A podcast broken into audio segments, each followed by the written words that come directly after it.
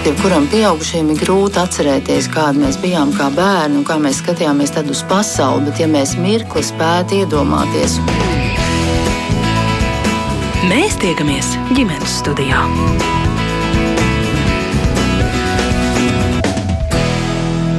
Labdien! Ortozas un ortožu sistēmas, ratiņkrēsli, aktivitāšu krēsli un ortopēdiski apavi visbiežāk lietotie tehniskie palīglīdzekļi, taču to klāsts ir daudz plašāks, jo tie atvieglo dzīvi ne tikai bērniem ar funkcionāliem, arī ar redzes un dzirdes traucējumiem. To mūsdienīgums un piemērotība katra individuālajām vajadzībām nodrošina iespēju bērniem būt kustībā, komunicēt ar citiem cilvēkiem un pašaprūpēt sevi. Un kaut arī pērn veikts izmaiņas bērniem paredzēto tehnisko palīgu līdzekļu valsts atbalsta sistēmā, taču tikai puse no vecākiem ir apmierināti ar to, liecina Bērnu slimnīcas fonda projekta Es un tu, mēs ietvaros veikts aptaujas rezultāti. Kāpēc tā un kā sistēma uzlabot, es mērķis notiņa jautāšu Rīgas Radeņu universitātes rehabilitācijas katedras asociētai profesorai Signei Tomsonai. Labdien! Labdien arī rehabilitācijas centra poga fizioterapeitei Egijai Bidiņai. Labdien. Un tūlīt pārliecināšos, ka telefoniski mūs dzird vai varu tehnisko palīgu līdzekļu centra vadītāja Jūlija Vasiljevska. Labdien! Labdien! Un labdien arī Dacē Šulcei! Labdien! Sveicināti. Jā, un Dāca ir mamma, un viņas dēls pārvietojas ratiņkrēslā. Bet vispirms vēršos pie uh, viešņām šeit studijā. Nu tad cik plašs vispār ir šo tehnisko palīgu līdzekļu klāsts? Jo es sākumā nosaucu ortozes, uh, ratiņkrēsli, aktivitāšu krēsli, ortopēdiskie apavi, bet šo palīgu līdzekļu ir ļoti, ļoti daudz. Tos vispār kaut kā var klasificēt. Protams, pal tehniskos palīgu līdzekļus var klasificēt, un šim nolūkam faktiski eksistē starptautiskas sistēmas, kas ļoti detalizēti uzskaita dažādās tehnisko palīgu līdzekļu grupās esošos palīgu līdzekļus. Un pieminot kaut vai ortozes, ortožu sistēmas, ja, tad tā vien jau ir ārkārtīgi plaša tehnisko palīgu līdzekļu grupa, jo šīs ortozes var būt vai apakšējām ekstremitātēm, augšējām ekstremitātēm, noteiktām ekstremitāšu daļām daļām, tāpat viņu funkcionalitāte vai, vai materiāls, ja tas arī ir, tiek ņemts no svara. Uh, un, uh, protams, kad uh, lai arī varbūt nu, veicinātu potenciālo lietotāju un iedzīvotāju izpratni par tehniskiem palīgu līdzekļiem, protams, arī tā informācija par viņu iedalījumu, par grupējumu kļūst ar vien plašāk pieejama. Šeit ir jāpiemina arī jau pieminētais Vaivar tehnisko palīgu līdzekļu centrs, kurš jau vairākus gadus atpakaļ ir iesaistījies arī nu, tādas Eiro, tāda Eiropas mēroga iniciatīvās, e, kur tātad tiek mēģināts apkopot e, gan šis sadalījums, gan arī piedāvājums faktiski. Un, piemēram, Vaivaru tehnisko palīgu līdzekļu mājaslapā ir pieejams šis īstenībā projekta katalogs par tehniskiem palīgu līdzekļiem, kas e, nu, sniedz ieskatu par to, kāda ir šī rīku bagātīgā mhm. pasaule un sniedz arī šos piemērus.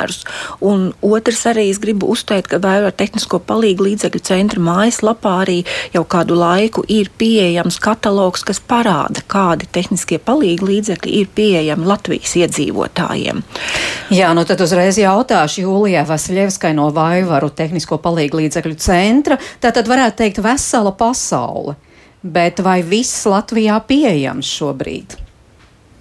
Viennozīmīgi tā ir vesela pasaule, ir vesels tehnisko risinājumu klāsts, kas ikdienā palīdz cilvēkiem veicināt viņu neatkarību, kompensēt arī piemēram šo funkciju zudumu. Un uh, ministra kabineta noteikumi uh, 878 tehnisko palīgu līdzekļu noteikumi ir tie, kas nosaka kārtību, kā uh, tiek nodrošināts uh, pakalpojums uh, tehnisko palīgu līdzekļu, un arī to starp kādi tehniskie palīgu līdzekļi ir uh, valsts apmaksājumi. Par to mēs runāsim mazliet vēlāk, apstājamies. Uh, gribu dot arī vārdu Egijai Bidiņai no rehabilitācijas centra poga, jo jo tiešām šie tehniskie palīgi līdzekļi, es domāju, viena no medicīnas nozarēm, kur ļoti strauji attīstās. Nu, tur ienāk viss jaunākais mūsdienu tehnoloģijas. Es, piemēram, paskatījos centra poga mājaslapā, jūs izmantojat uz vietas, piemēram, Šveicē radītu gaitas rehabilitācijas robotu vai, piemēram, iekārtu, kas ļauj komunicēt nekustīgiem cilvēkiem, izmantojot tikai acu zīlītes. Vai ir kaut kas tiešām tāds ļoti, ļoti jauns un inovatīvs, ko bērni arī mājās var lietot? Mm, nu jā, Ka, principā katru gadu arī šobrīd, kad mēs sēžam studijā, noteikti tiek inovatēti, nu, veidots jauns palīga līdzeklis eh, cilvēkiem ar funkcijas traucējumiem, ja, vai, vai teiksim, redzes dzirdes traucējumiem, vai pār, nu, pārvietošanās grūtības, vai ikdienas aktivitātes veikšanas uzlabošanai. Ja. Mhm. Kas ir tāds Un, jaunākais šobrīd? Jaunākais tas ir ļoti grūts jautājums, jo eh, būtībā pie katra nu, mēs iedalām dažādās kategorijās, kāda nu, tā tad tie traucējumi tiem bērniem ir. Bet, ja mēs runājam par bērniem ar kustību traucējumiem, ja, tad inovācijas ir gan ortožu sistēmā, piemēram, ir ortozes, um, kuras tiek ražotas arī ar dažādu veidu implantiem, kas pagaidām vēl Latvijā nav. Es nezinu, vai man vajadzētu saukt tagad tās inovācijas, mm -hmm. ja, jo nu, tas... Nu, tikai paraksturot, lai cilvēkiem jā, rodas kaut kāds priekšstats, kad, mm -hmm. jo mēs mm -hmm. uzreiz iedomājamies, ah, nu jā, tehnisks palīga līdzeklis, tur eh, spieķis, ratiņkrāsls, nu kaut ko salīdzinoši vienkāršu vienkāršu. Mūsdienās tās Jā. patiešām ir, uh mhm. -huh. ir ļoti sarežģītas arī tehnoloģijas. Ne tikai šis vienkāršais pieķis kā palīga līdzeklis. Jā, viens ir sarežģīts, un otrs ir dārgs. jo līdz ko viņš ir jauns un viņam ir jauns patents, tā viņš ir arī diezgan dārgs. Īpaši mūsu sabiedrībai tas ir dārgs, jā, un arī nu, ir jābūt cilvēkam, kas arī to ir apmācījies un saprot, vai tad ir jāved tas bērns uz konkrēti, konkrētu valsti, kur tiek šis, šis, šī ierīce izmēģināta, vai viņam der vai neder. Tas nav tik vienkārši, ka parādās jauna tehnoloģija, un mēs viņu tagad varam, nu, tā kā ir ņemam ciet un mēģinām mūsu bērniem. Jā, tas patiesībā sakot, ir ļoti sarežģīti, un tas nav arī tāds īsts process. Jo tā kā parādās jauna iekārta, no sākuma tas nav uz visiem, tas kādam der, kādam neder. Jā? Un tad tas ir arī jāizmēģina, ir jābūt arī apmācītam cilvēkam, kas to izmēģina, un pierāda, ka tas, tas tā, tas, tā palīga ierīce šim bērnam konkrēti, es vairāk par bērniņiem, jā, mm -hmm. mēs bērnam par bērniem ko, ko, konkrēti runājam. der, jā, un ja mēs redzam, ka šī jaunā iekārta šim bērnam der, tad ir jēgpilni viņu izmantot. Bet, Bet kas ir būtisks tām jaunām iekārtām? Es gribu, gribu to ļoti pieminēt šeit, ja? jo principā eh, jebkuram cilvēkam un vecākam un arī bērnam ir svarīgi, lai tā iekārta būtu pēc iespējas vieglāka gan izmantošanā, gan uzlikšanā, gan arī, arī tam bērnam patīkamāka. Ja? Nu, teiksim, um, pat ja es atceros desmit gadus atpakaļ esošās ortozes un šobrīd esošās ortozes, un ja es redzu tās inovācijas, ko mēs izstādēs aizbraucot teiksim, uz Eiropas valstīm, varam nu, novērot, ja? tad ir acīm redzam šīs trīs lietas, ko es nosaucu. Viņas ir vieglāk, ērtāk izmantojams gan bērnam, gan vecākam. Viņas ir dizaina ziņā interesantākas, ja? un viņas ir arī vairāk ar tādu e, nu, multifunkcionālu internetu vidi un tādu savienojumu arī, ja tā kā interesantāks tam mm -hmm. bērnam. Ja? Jā, bet vai šādas ir arī, piemēram, vaivaru tehnisko palīgu līdzekļu tajā klāstā, nu šīs jaunās un inovatīvās? Es Jūlija, varētu, jā, varbūt, Jūlija. Jā, jā. jā, papildināt. Jā, 22. gadā 1. janvārī stājās jauni noteikumi, un tajā skaitā arī tika papildināts un pārskatīts to tehnisko palīgu līdzekļu skaits, ko tad var piedāvāt kā risinājumu. Un kā piemēram no tādām novitātēm nākušas klāt, kas ir valsts apmaksājāmās, ir piemēram sēdēšanas sistēmas, RGO, ortozes, tās ir dažādas arī alternatīvās komunikācijas tehniskie palīgu līdzekļi, tajā skaitā ar acu vadāmību, kas jau ir tādas augstas tehnoloģijas. Un, protams, šis palīgu līdzekļu stāsts, kā arī iepriekš minēja, ir dinamisks un arī šobrīd notiek tā aktualizēšana un arī funkcionālie speciālisti, kuri strādā ar pacientiem, ar klientiem, nāk ar iniciatīvām, kā tad mēs varētu uzlabot pakalpojumu un piedāvāt aizvien labākus un tādus liederīgākus risinājumus Jā. cilvēkiem. Jā, es redzēju, ka Signe Tomsona, jūs gribējāt kaut ko te papildināt, jā? Mm. Jā, es gribēju papildināt, jo man šķiet, ka nu, tajā sarunas gaitā noteikti mums vajadzētu uzsvērt to, ka e, arī tas tehnisko palīgu līdzekļu iedalījums, ja tad viena grupa būs tie, ko lieto pats lietotājs, šai gadījumā bērns ar funkcionēšanas ierobežojumiem, un tas vairāk tā tad ir dažādu ikdienas aktivitāšu atbalstam, bet mēs nevaram aizmirst, ka ir arī palīgi līdzekļi līdzekļi, kas ir domāti, piemēram, vecākiem, kas atvieglo bērnu aprūpi, un savukārt arī virkne iekārtu, ko jūs minējāt, kaut vai gaitas robots, kas faktiski jau ir iekārtas terapijai. Ja? Jā. Un um, otra lieta, ko es noteikti gribētu minēt, arī kontekstā ar to, ka uh, šie rīki attīstās, jā, un, un tehnoloģijas mainās, un pieeja, un, protams, viņi, viņi kļūst vieglāki, dinamiskāki, attraktīvāki, jā, tad, um, tad šī te tehniskā palīga līdzekļa izvēle konkrētam bērniņam vai jebkuram konkrētam lietotājam ir pietiekami sarežģīts process, ko mēs varam dēvēt par šo cilvēka un iekārtas atbilstību.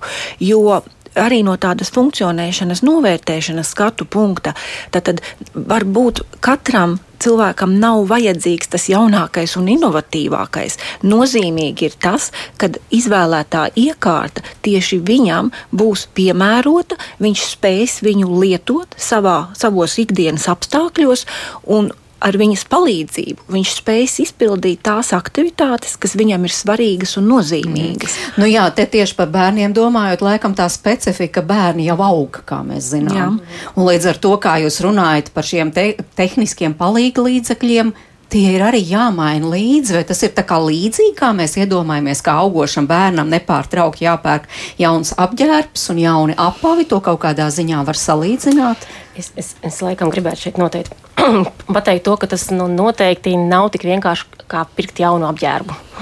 Jo, nu, ir tā, ka eh, tomēr tie pal tehniskie palīgi līdzekļi, es viņus varētu iedarīt tā. Ir, ir kategorija, kuriem vajag sarežģītus tehniskos palīgi līdzekļus, jā, vai sarežģīts ortos. Ir kategorija, kuriem vajag tāds vidēja, jā, teiksim, nu, tā, vidējas sarežģītības, jā. Un ir tāds, kuriem vajag Viņiem mainās tikai šie antropiskie rādītāji. Tad mainās tas viņa izmērs. Ja? Viņam vajag tieši tādu pašu. Un tas ir tas, ko jūs sakāt. Tieši tādu pašu, varbūt savādāku dizainu ja, un apģērbu. Un to visu, protams, ir jānovērtē speciālistiem. Un es teiktu, ka pie šīm sarežģītām ortozēm un sarežģītām sistēmām ir vajadzīga šī multiprofesionālās komandas izvērtēšana. Savukārt pie vidējām Tur var speciālisti tikt galā. Ergoterapeits ar palīgiekārtām, ja teiksim, fizioterapeits ar gaitas ortozēm, ja, un, un audiologopeits vairāk ar šo komunikācijas iekārtu. Ja. Un savukārt tie, kas ir atkārtotie, tur ģimenes ārsts izraksta atkārtoti. Mm -hmm. Tad, ja viņš zina, kāda ortoze tam bērnam ir bijusi un kāda ir viņa vēsture. Nu jā, ja? bet tā tomēr ir tā specifika. Tā ja ir tā specifika. cilvēks, viņam jā. varbūt arī pietiek izrakstu un jā. ilgstoši var lietot. Jā, bet bērniem redzat, tā nav. Bet redzat, bērniem ir arī tomēr jāsako līdzi. Kā viņš mainās arī tajā attīstībā, un mēs skaidri zinām, ka bērns ir visdinamiskākais. Ja varbūt sākumā viņam ir vajadzīga RGO ortoze, kas ir viena no dārgākajām ortozēm, ja, tad mums arī ir jādomā par līdzekļiem, kurus mēs tērējam, Un, ka, un ko mēs nākamo šim bērnam piedāvājam? Varbūt viņam nemaz nevajag atkal RG ortos, tā situācija ir mainījusies, un viņam šobrīd vajag kafo, nu, teiksim tā, zemāka veida ortozi, ja? zemāka veida palīdzību priekš staigāšanas, vienkāršiem vārdiem runājot. Un tad, protams, tas ir ļoti būtisks moments, jo mēs ietaupījam valsts līdzekļus. Mums ir ļoti akurāti arī jāanalizē, kuram bērnam kas ir nepieciešams. Un šeit es gribu ļoti atgādināt, ka neviens vecāks nevar izvērtēt, kas viņa bērnam tiešām ir vajadzīgs. Mm -hmm. Ja, teiksim, manam paziņām, kuram ir tāda paša diagnoze, ir šāds, man arī gribās šo. Saprotat? Ja? Mm -hmm. Un te, ļoti, te nav tik vienkārši aiziet veikalā un nopirkt. Ja? Tur ir jābūt pamatojums, kāpēc šāda veida ortozi. Ja? Jā. Es varbūt gribētu piebilst, ka, eh, protams, vecāki ir eksperti par sava bērna dzīvi un tiem dzīves apstākļiem. Līdz ar to vecāki, protams, vislabāk mācīs varbūt nodefinēt, kas ir tā vajadzība, ja, lai to ikdienu atvieglotu, lai veicinātu bērnu attīstību un tādu pašnoteikšanos ikdienas dzīvē.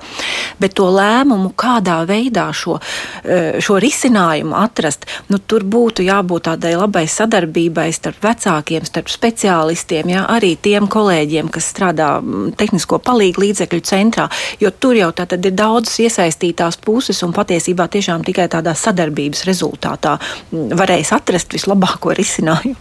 Jā, nu mēs tā pagaidām uzburam tā ainu teorētiski, mm. kā tas ir, Jā. jo es domāju, ka lielākā daļa klausītāju, kas mūs dzird, šajā jomā noteikti neorientējas, bet uh, varbūt tādu skaidrāku priekšstatu, kā tas reāli ir, uh, parāda nesen veikta uh, bērnu slimnīca Slimnīcas fonda un sadarbībā ar Rīgas Radiņu universitāti tāda aptauja. Aptaujāja vairāk nekā simts vecākus no visiem Latvijas novadiem, tātad vecākus, kuru ģimenē aug šāds bērns, kuram ir nepieciešams kāds no tehniskajiem palīgu līdzekļiem. Un, kādi tad ir šie, nu, kā varētu pateikt, rezultāti? Vai, vai, vai pirmkārt, vai, vai pietiek, pieņemsim, kādi, kāda ir vispār tā aina, vai bērnam pietiek ar vienu? tehnisku palīgu līdzekli. Vai tomēr ir tās situācijas, ka vajag divus, varbūt trīs un varbūt vairāk? Jā, nu, iesākot atbildēt uz šo jūsu jautājumu, es varbūt tādu mazu to kontekstu arī par aptauju, ja, jo minētais projekts ir tātad e, ļoti mētiecīgi veidots, ja, jo Bērnu slimnīcas fonds ir viena no tām institūcijām, kas palīdz vecākiem kādreiz sagādāt bērnam nepieciešamos tehniskos palīgu līdzekļus. Līdz ar to viņa interesi bija vairāk arī iedziļināties šajā jautājumā un mēģināt varbūt arī kādus uzlabojumus tādā pakalpojumu attīstībā veidot perspektīvā. Un, e, pašā projekta sākumā jau arī bija tā ideja, ka vajag aptaujāt vecākus, kā viņi jūtas, kādas problēmas viņi redz attiecībā uz tehniskiem palīgu līdzekļiem. Bet projekta sākums sakrit ar to brīdi, kad notika jau šīs izmaiņas minētajos ministru kabineta noteikumos, un tāpēc aptauja norisinājās e, šogad, e, februārī, lai izvērtētu to, vai vecāki arī jūt šīs pārmaiņas pakalpojumā. Un e, tā arī ir, kad aptuveni pusi tomēr vairāk drusciņi var teikt, Eh, dažādos, dažādos līmeņos nu, atzīmē, ka kaut kas ir mainījies tomēr, mm -hmm. jā, un tās pārmaiņas jūt. Bet, jā. ja runājam par šo jūsu jautājumu, kā, kādas ir nepieciešamības bērnam pēc palīga līdzekļa, tad eh, jā, eh, vairumā gadījumu, vismaz šajā aptaujā, vecāki ziņoja, ka viņu bērni lieto trīs vai vairāk palīga līdzekļus. Tātad trīs bija visbiežāk pārstāvētā kombinācija. Faktiski tā jau arī, ko jūs sākumā minējāt, tā ir kombinējas tātad ortozes ar e, palīga līdzekli priekš pārvietošanās un aktivitāšu krēsls, kas acīm redzot dod atbalstu bērnam veikt dažādus ikdienas uzdevumus, mācīties, spēlēties un tā tālāk. Bet šīs kombinācijas, viņas var būt ļoti dažādas. Maksimālais, manuprāt, ja es pareizi atceros, bija bērniņš, kuram bija 12 dažādi tehniskie palīglīdzekļi. Protams, viņu lietošana var būt intensitātes ziņā atšķiras, jo teiksim, tie nepieciešamākie viņi tiek lietoti katru dienu nepārtraukti vai vairākas reizes dienā. Bet var būt arī tādi palīgi līdzekļi, kas ir nepieciešami reizi nedēļā, varbūt pat retāk. Nu, Tas ir ļoti atkarīgs no tā ģimenes dzīvesveida. Jā, modeļa. bet te jau mūsu sarunā izskanēja Egīna Bidiņa teica, ka tas ir dārgi, ka katrs šis palīga līdzeklis maksā naudu. Vai tas, eh, nu jūs pētījāt arī tajā aptaujā, bet ko tad tas īsti nozīmē vecākiem? Tātad visu šo jau šobrīd nodrošina un kompensē valsts, vai arī tomēr vecāki ver vaļā tos savus maciņus un maksā? Kā īsti ir? Eh, es teiktu, ka eh, tā situācija, mm, it sevišķi gadījumos, kad ir vajadzīga vairāku tehnisko palīgu līdzekļu kombinācija, tad arī attiecīgi tie resursi tiek kombinēti.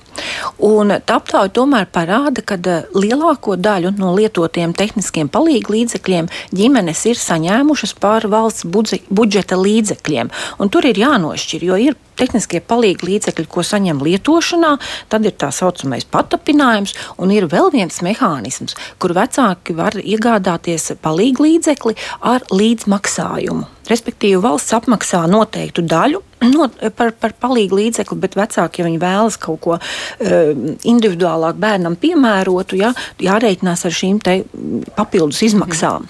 Un te, protams, parādās tas, ka uh, nu, Latvijā tomēr ģimeņu rocība nav tik um, plaša ja, lai tā brīvi varētu nodrošināt visas bērna ar funkcionēšanas ierobežojumiem vajadzības. Jo te ir runa par tehniskiem palīgu līdzekļiem. Neaizmirsīsim, ka šiem bērniem paralēli ir jāsaņem eh, speciālistu pakalpojumu rehabilitācijas programmu veidā, atbalsta programmu veidā.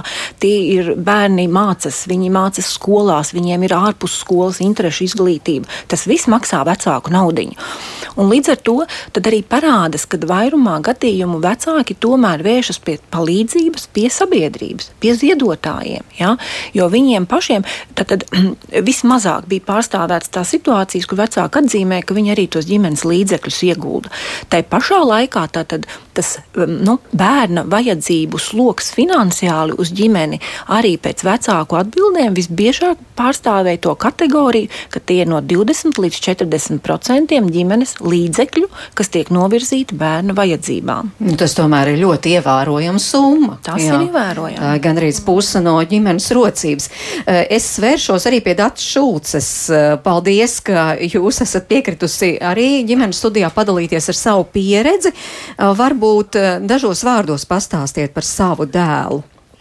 Jā, sveicināti. Es jau iepriekš jūsu kolēģei minēju, ka e, nu, mūsu gadījumā vienīgais izmantotais palīga līdzeklis ir ratiņkrēsls. Man ir e, šajā gadījumā ļoti grūti noturēties uz tās e, robežas, kur ir runa tikai par tehnisko palīgu līdzekli, bet arī par vidas pieejamību. Un, un, un tā ir sakarā šeit iepriekšējā runātāja arī minēja par to, nu, to pielietojumu un liederību. Mūsu gadījums bija tāds, ka pēdējo ratiņkrēslu, jo viņš aug, nu, paliek lielāks, tāpēc es saku pēdējo. Dabujām, tā kā, nu, dabujām tādu, kā dabujām, kā no kataloga var izvēlēties. Bimanuālais ratiņkrēsls ar saro, salokām rāmi. Tādā, Ko nozīmē šis, šis vārds? Varbūt paskaidrojiet. Tas ir bimanuālais. Jā, bim, bimanuālais. Kad, Jā, jā, viss kārtībā. Tas nozīmē, ka viņš var gan pats nu, ar rociņām nu, tos riteņus grozīt, kā ir redzēts, nu, gan arī, kad es varu stumt. Nu, tā kā, ja teiksim, piegūst rokas vai kaut kā tam līdzīga, nu, no aizmugures stumj. Bija manuāls, nozīmē, gan viņš, gan es, nu, vai kāds cits var pastumt, kā pārvietot tos ratiņkrēslu. Nu, jā, un, un, un stāsts par to, ka uh, mēs nedzīvojam Rīgas centrā un arī ne pilsētā, bet, nu, tīri kā vidas apstākļi mums ir, nu, ārpus pilsētas, tas ir mūsu mērķtiecīga izvēle, tā kā zaļā vide, lai viņš vairāk būtu, nu, uh, saigā gaisā. Un, un, un droši vien nevienam nav noslēpums, kad es pasaku ratiņkrāsls, acīs, kas parādās. Nu, eh, standarta ratiņkrāsls, kam priekšā ir tie mazītiņi ritenīši. Nu, ja godīgi, tas ir kaut kāds murgs kaut kur pastumt ar tādiem ritenīšiem. Mēs meklējām, meklējām eh, tā kā tādu, kas būtu, nu, teiksim, piemēram, laukos ar mazu zemu mašīnīti nepārvietosies. Lielākā daļa ar džipiem brauc. Nu, tad mēs meklējām tādu, mēs tas ir ģimene. Uh, tādu ratiņkrāsu, kas būtu nu, džipa kategorijā ieskaitāms. Mēs atradām Anglijā tādu ražo, nu, Latvijā tādu tā kā, tās firmas, kas Latvijā ieved un ir dīleri visādiem ratiņkrēsliem, tādu nepiedāvā, nu, kas arī par bezceļu variantiem pārvietojās.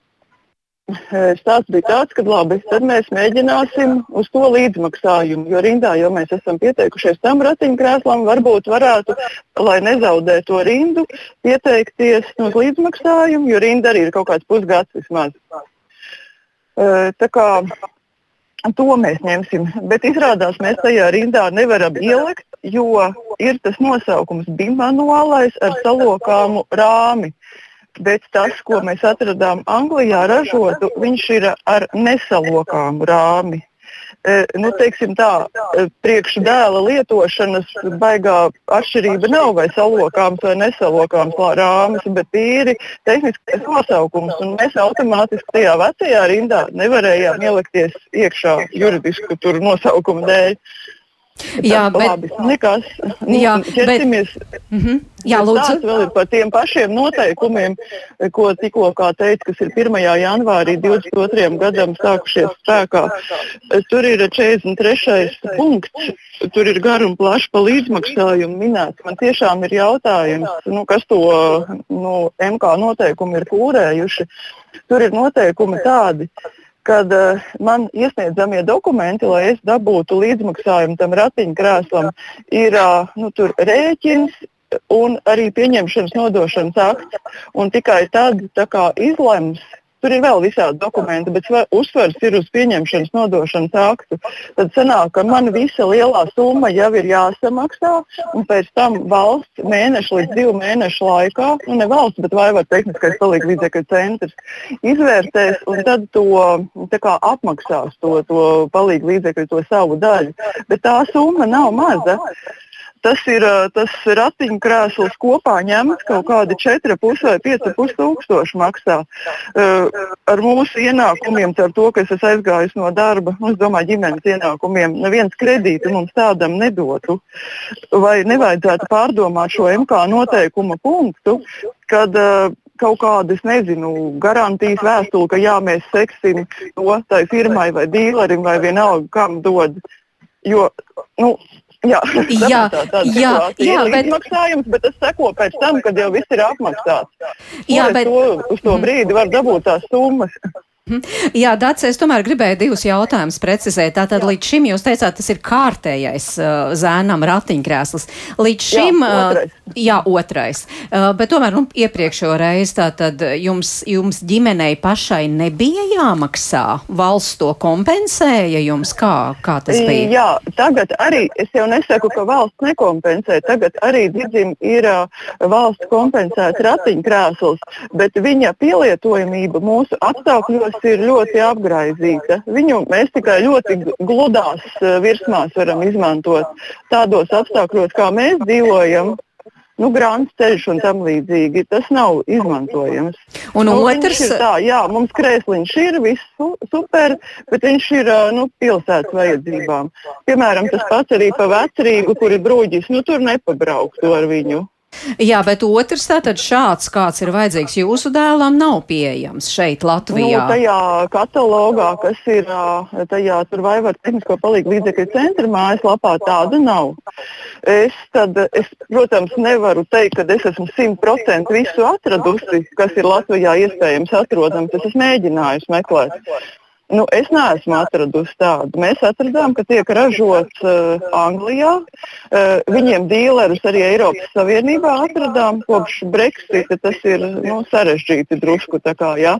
Atradu visus dīlerus, bet uh, man neviens no dīleriem nedāvinās ratiņkrēslu ar, ar kaut kādu domu, ka pēc diviem mēnešiem kaut kādu saņems naudu.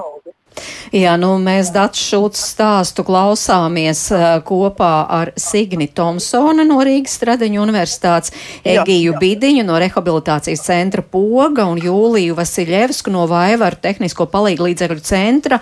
Es gribu uzreiz jautāt Jūlijai komentāru. Tātad šādi ratiņkrēsli, kā mēs dzirdējām, kā stāstīja Dace, jūsu piedāvājumā nav. Um, Tātad es gribētu nedaudz arī uh, detalizētāk pārstāstīt, uh, jo tos tehniskos palīgu līdzekļus, kas mums ir pieejami centrā, mēs uh, viņus iepērkam uh, publisko iepirkumu likumā noteiktā kārtībā, bet uh, cilvēkam pienākot uh, rindai, piemēram, gadījumā, ja viņš saprot, nu, jo katram jau cilvēkam tās uh, vajadzības ir individuālas. Un, uh, ja, piemēram, uh, nedara šāds uh, modelis, uh, bet būtu nepieciešams ar kādu citu papildu aprīkojumu, varbūt dizainu, uh, tad uh, personīgi personai ir iespējams jā, izmantot jau pieminēto šo līdzmaksājumu mehānismu, kad persona var doties pie kāda cita uzņēmuma pakalpojumu sniedzēja Eiropas Savienībā un Eiropas ekonomikas zonā vai Šveices konfederācijā un uh, iegādāties, saņemt tehnisko palīdzību līdzekli. Kāda Jā, mums tā es... prakse ir pieejama, tā ir dažāda. Mums arī, piemēram, gadījumu ir uh, pakalpojumu sniedzēji, kas izraksta uh, rēķinus, un uh, tad mēs varam arī apmaksāt. Ir palīdzību līdzekļu lietotāji, kas iegādājās, un tad mēs sadzam šo kompensējumu summu. Tā kā tie sadarbības modeļi ir, ir, ir dažādi. Mhm. Bet Jā, arī paldies, es to Jā. dzirdēju bet mūsu gadījumā nav runa par dizainu vai par krāsu vai kaut ko, bet tīri funkcionāli, struktūrāli. Tas ir tāds, tā, ka nav mazo ritenīšu ratiņkrēslam. Viņi visi ir lieli, tādi, nu nezinu, teiksim, ja par divriteņiem iet runa MTB variants, tādas lielas riepas ar protektoriem, lai var pārvietoties kaut kur reāli. Un arī ar amortizatoriem. Jo, nu, piedāvātie ratiņkrēsli nav ar, ar amortizatoriem. Mm -hmm. Tie, kas ir bez Jā, paldies, Dāce, neieslīgsim tiešām ļoti ilgstoši jā, šajās detaļās, jo apmēram to domu jūsu mēs sapratām. Paldies. Mm -hmm, paldies. Bet tā tad vēlreiz no vaivariem tā skaita neatbūdē. Nav. Tā tad jūsu piedāvājumā nav. Un ja vecākiem šāds ir vajadzīgs līdzmaksājums, tas nozīmē, ka viņi nopērk pa pilnu summu un, un, un to naudu saņem tikai pēc mēneša, diviem vai pēc kaut kāda konkrēta laika. Nu, tā šeit izskanēja. Jā, tā arī saku. Jā, šeit varbūt vēlreiz atgriežoties pie tā, ka pasaulē ir palīdzekļu klāsts pieejams ir milzīgs. Uh, un, uh, līdz ar to mēs, protams, tehnisko palīdzību līdzekļu centrā uh, visu šo klāstu nav iespējams atvert, aptvert, uh, līdz ar to iegādājās uh, noteiktus uh, palīdzību līdzekļu modeļus.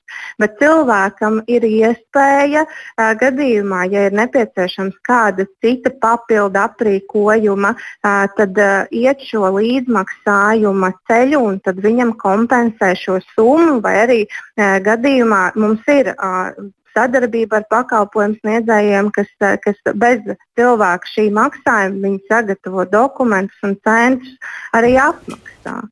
Jā, nu kā ir klausoties jā, no malas, jā. varbūt Egija Bidiņa jā, un nedaudz, arī jo... Signe Thompsona, jo tiešām jā. tas vienmēr ir stāsts jā. par vēlmi, par piedāvājumu mm. un arī par finansēm.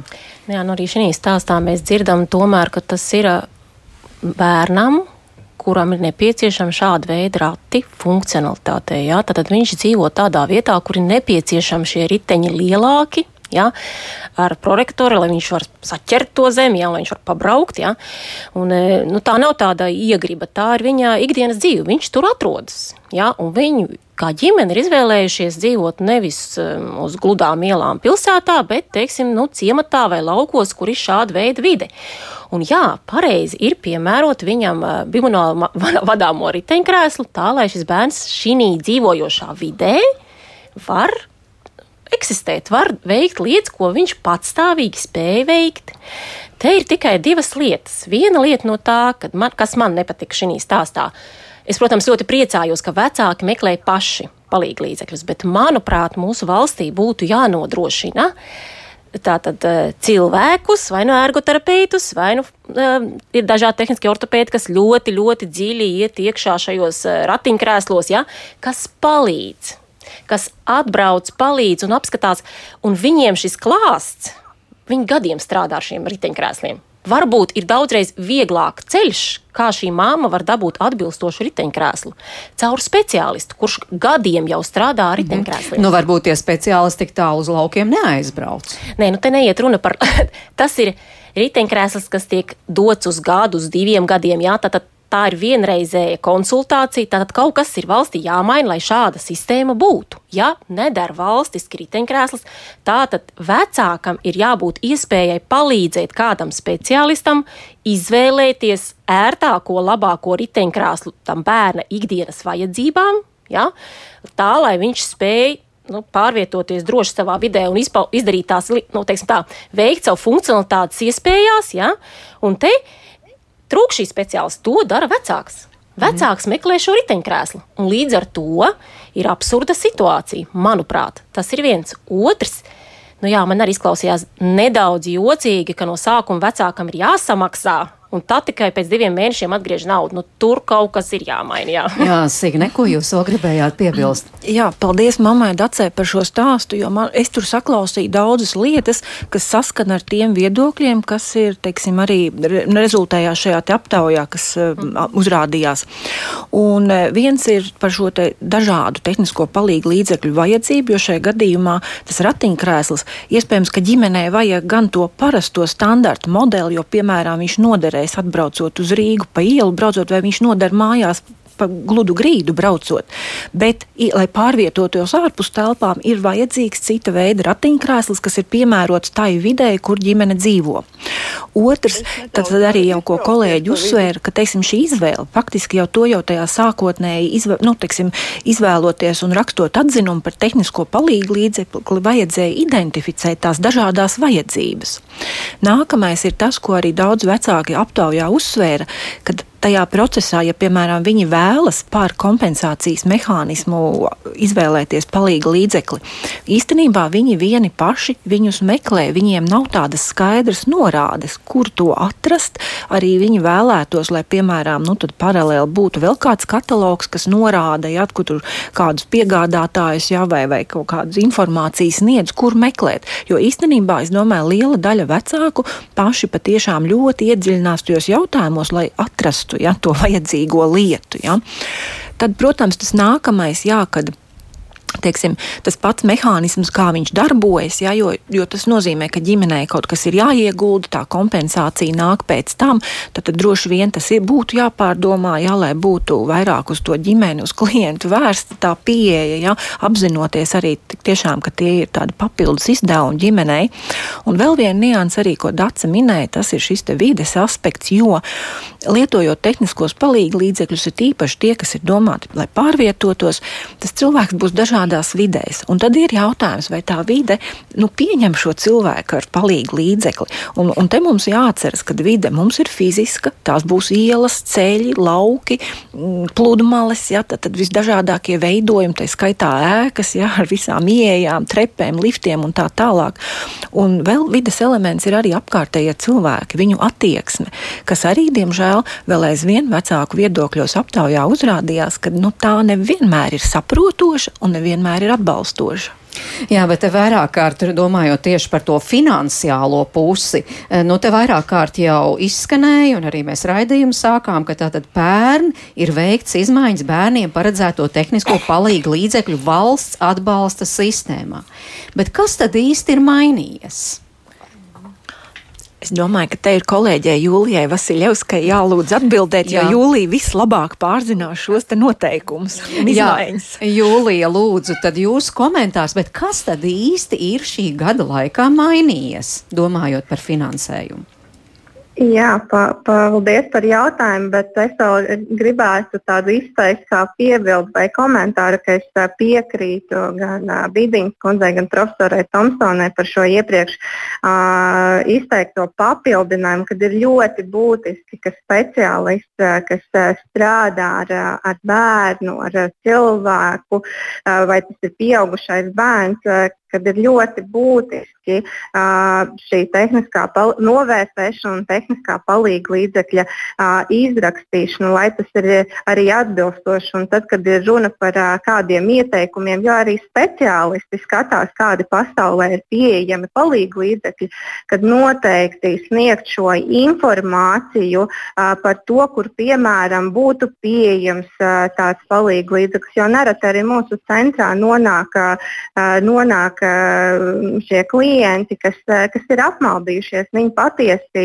nezina, uz kurieni viņiem vērsties un kur viņiem doties. Jo speciālists ir parekomendējis, piemēram, kādu noteiktu modeli tā tehniskā palīga līdzekļa, bet tā informācija par to, kur to varētu saņemt, nav īsti sniegta. Tāpēc ir ļoti būtiska šī sadarbība. Un attiecībā runājot par tehniskajiem palīga līdzekļiem, par tādām būtiskākajām izmaiņām tas viennozīmīgi ir pozitīvais saraksts, papildināts, pārskatīts, kas ir, kādi palīglīdzekļi ir iekļauti valsts apmaksājamo palīglīdzekļu sarakstā. Tad personai ir iespējams saņemt sev piemērotus palīgu līdzekļus. Es jau arī iepriekš biju nosaukusi šīs sarunas sākumā par piemēriem, kādi, kādi ir paplašināti. Noteikti arī ir pieaudzis kompensējumās summas apmērs, piemēram, tās ortozes, kas nav minētas pozitīvajā sarakstā, jeb valsts apmaksāto tehnisko palīdzību līdzekļu sarakstā. Līdz tam finansējums bija 2,5 tūkstoši eiro. Šobrīd šis finansējums, jeb to, ko valsts apmaksā iegādes izdevums, ir palielinājies līdz 8,5 tūkstošiem. Tā kā tādas izmaiņas ir skārušas mm -hmm. šos tehniskos palīdzību līdzekļus. Bet vai varētu teikt, ka būtiski ir palielinājies tas valsts atbalsts, nu, ja tā kopumā skatās? Kopumā jā, jo ir jāsaka, ka ir arī cenas pārskatītas un arī turpinās darbs pie cenu pārskatīšanas. Piemēram, ir pārskatītas cenas jau pieminētajām ortozēm, tā kā ir iespējams saņemt šo lielāko kompensāciju izdevumu par tehniskajiem palīgu līdzekļiem. Šobrīd norit arī aktīvs darbs pie cenu pārskatīšanas, kas ir saistīts arī ar individuāli izgatavotajiem ortopēdiskajiem apaviem. Šī cenu pārskatīšana ir būtiski ietekmējusi šo atbalstu, atbalstu šajā sistēmā. Jā, Dārsa, vēršos pie jums pēc tāda īsa komentāra. Jūsu ģimene to nav sajutusi, jā? Nu, piemēram, tagad šobrīd kārtojot tur visas tās peripetīs ar to rātiņkrēslu. Mēs to nenokārtojām, to līdzmaksājumu, nu, tāpēc, ka uh, mums nav tādas rocības, neviens mums kredītu nedod un, un ieteikumus, nu, tur kā telefona konsultācijā zvanot uz Vaivaru tehnisko palīgu līdzekļu centru. Nu, es nezinu, sieviete, kas pie telefona tur runāja. Viņa saka, bet vajag griezties Latvijas firmās. Es saku, nu, Latvijas firmās, nu, kas tā kā Latvijas dīleri, pie Latvijas dīleriem. Es saku, nu, ko tas mainītu, bet es tāpat es esmu ar viņiem sazvanījusies, nu, viņi tādu nepiedāvā. Viņi tādu firmas tos ratiņkrēslu nepārdod. Viņi teica, nē, bet viņi jau gaidīs, viņi jau gaidīs tās divus mēnešus. Nu, tas ir jautājums, tas ir kaut kāda firmas tiek lobētas vai kas ar to MK noteikumu, kad ir noteikums, ka priekš ir jābūt pieņemšanas nodošanas aktam un pēc tam tikai seko apmaksa. Varbūt tomēr šo punktu varētu pagrozīt, jo pašlaik tas mūs apstādināja. Jā, nu par to jau jā. mēs vienojāmies. Paldies, jā, bet Egībīdī, jūs gribat jā, piebilst? Es, es noteikti gribu piebilst to, ka um, milzīgs paldies Vaivara Teskajā palīdzēt centrā par tām izmaiņām nu, nu, finansiāli, kas tiek, tika paaugstināts pie ortozēm un tehniskiem palīgu līdzekļiem, pie Tobija, kas ir runāts par šīm komunikācijas ar acu sistēmu. Ja. Tas tiešām ir milzīgs darbs. Bet es šeit saklausu ne tik daudz finansiālas problēmas bet tādu kā sakārtotību. Ja? Nu, es Jā, tiešām neticu, ka ir viens vienīgais ratiņkrēsls Eiropā, Ja, ko, nu, lai piedod man mamma Dācis, es saprotu, ka viņa ir ieguldījusies Jā. ļoti, ļoti, un viņa ir sameklējusi to ratiņkrēslu. Bet es neticu, ka tas ir vienīgais. Noteikti ir vēl Nē, kāds ratiņkrēsls, kas šim, šim, šī situācijai tam bērnam der. Ja? Lieta ir tāda, tas, ko es šeit dzirdu visā tajā stāsta pamatā, pašā sākumā, kas aizpilda šos atzinumus, kas uzņemās atbildību par šo bērnu, kurš izvērtē viņu, viņa vidi. Kas ir tas, kas, kas iesaka, vajadzīgs ir tieši šāda veida ratiņkrēsls. Un, un tad sadarboties ar tām firmām, tomēr, kur šie cilvēki jau ir piesaistījuši, lai šiem vecākiem būtu vieglāk. Mhm. Tas, ko es mēģinu pateikt, ka finansiāli es tos um, uzlabojumus jūtu, bet ir ļoti jāmaina paš, pati šī struktūra. Gan tas, kā, cik, cik mēs zinām datus par šiem bērniem, Piemēram, vai mēs zinām konkrēti, vai mēs varam atrast, cik mums šogad, nākošais gads, bērni sāks skolas gaidas, cik ratiņkrēsli ir vajadzīgi bērniem. Mums nav šādu statistikas, mums nav šādu datu, mums nav tādas e es teikšu, e-vides, ja, kur būtu šī informācija, ja, un šie bērni pazūd. Un lomu, kas ir jāuzņemās speciālistiem, kas speciāli apmācās, kas apmeklē dažādas konferences, ja, uzņemās vecāks. Mm -hmm. Un tur tas absurds, ne es, tikai tajā finansējumā. Jā, jā, faktiski nav tā sakārtotības. Jā, Dāca, lūdzu, ko jūs gribējāt piebilst? Es gribēju minēt, kur tie bērni varētu būt, ka pazūd nu, pēdiņās. Viņi varētu būt, ka pazūd visādās neklātienes mācībās, jo teiksim tā, lai iekļūtu skolā, kur ir trepes pakāpieni, tur ar ratiņkrēslu nekas nav līdzēts.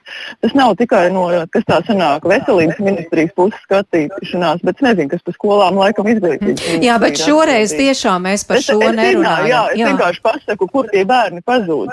Nu, es tā kā zinu, liela daļa mm -hmm. zinu, kur viņi pazūd. Viņi attālināti. Jā, paldies, Dace.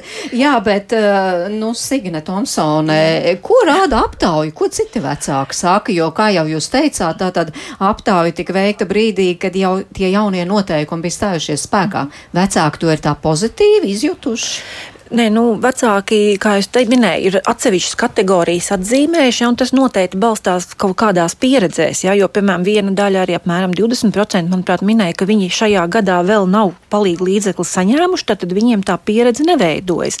Bet tie, kas minēja, tad, tad atzī, nu, bija gan tie viedokļi, ka, piemēram, tieši uz ortozēm ir jūtams ja, tas, ka kaut kas ātrāk notiek, ja, vai, vai tieši šo finansējumu apjomu atzīmē. Ja. Bet es vēlreiz gribu uzsvērt, tā bija daļa. Ja, tad, tad paralēli eksistē eksistē arī tā negatīvā pieredze, kur cilvēki uzskata, ka nekas jau nav mainījies. -hmm. bet, arī, nu, bet tur arī konkrēti iezīmējās, kas cilvēkus neapmierina. Jo es arī paskatījos, papētīju to aptauju, un vecāki tur raksta, Šobrīd ir vēl mazāka izvēle, tātad tehnisko palīgu līdzekļu nu, ir mazāka izvēle, samazinājusies summa, ko līdzfinansē valsts, vai lielāka birokrātija. Tur skanēja arī tā no vecāku puses. Jā, pamatoti.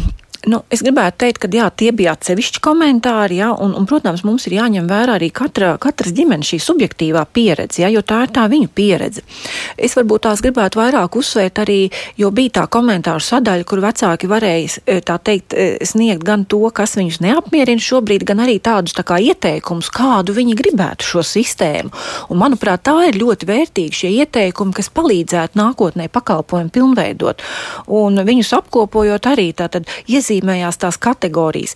Ātrāku procesu, ja, lielāku skaidrību par tiem soļiem, kas par ko atbild. Ja.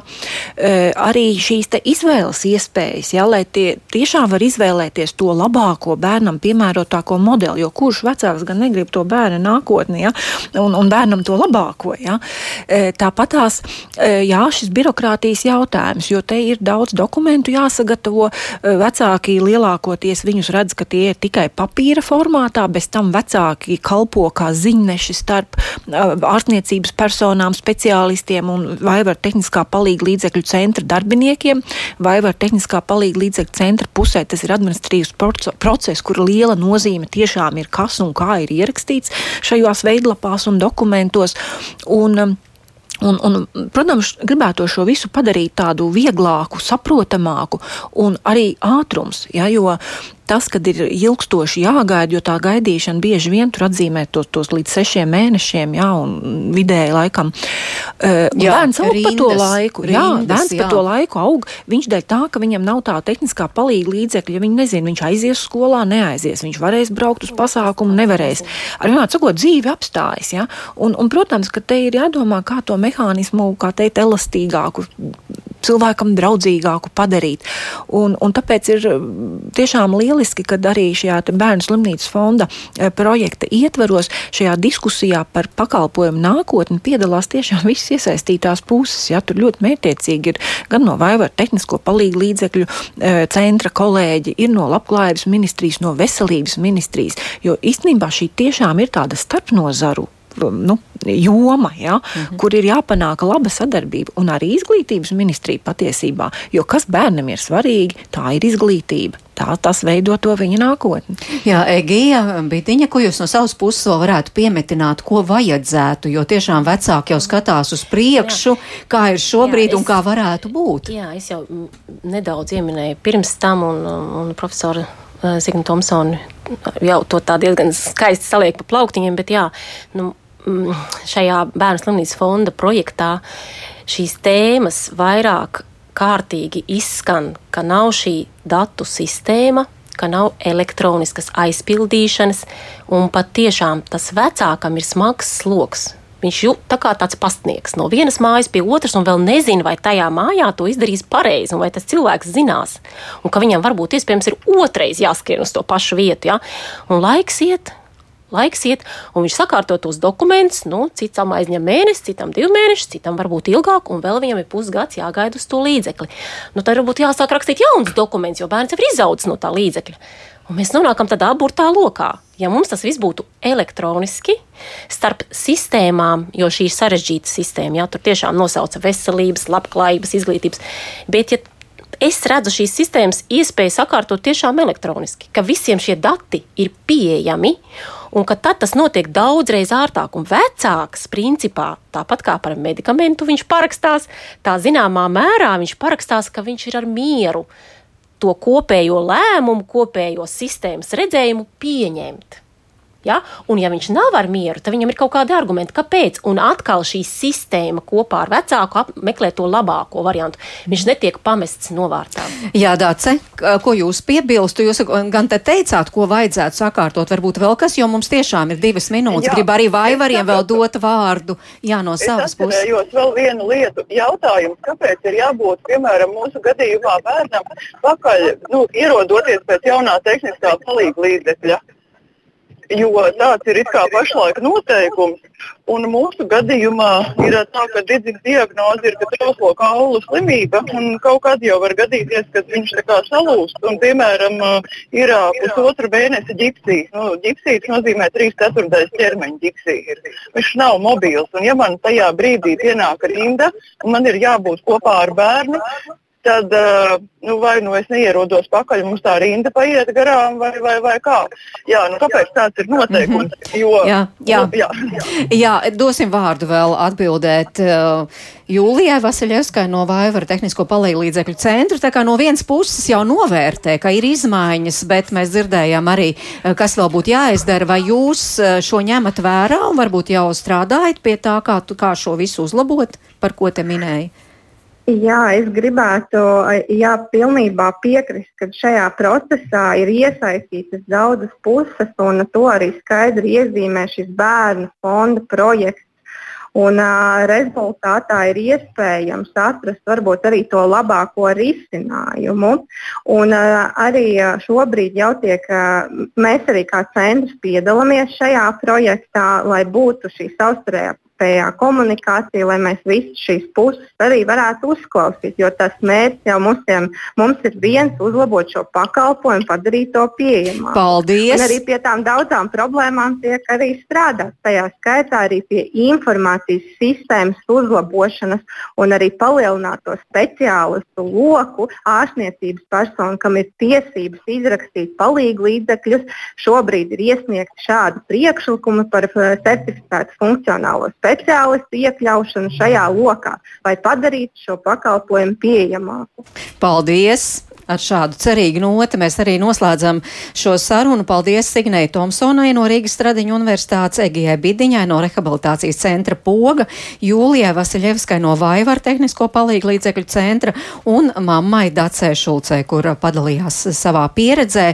Paldies jums, ka klausījāties. Rādījuma producents Armīta Kolāte, Katrīna Bramberga pie skaņu pulces Mārdas Noteņa bija pie mikrofona. Tiekamies rīt, rīt, starp citu, tiešām īpašs raidījums, jo ģimene ģimenes studija dodas uz Rīgas Tehniskās Universitātes zinātkārs centru Futūrimo Rīga. To atklās sestdien, bet tieši raidi, kā tur izskatās, dzirdēsiet jau rītdien, tā kā klausieties ģimenes studiju 5 minūtes pār diviem. Un visu labu!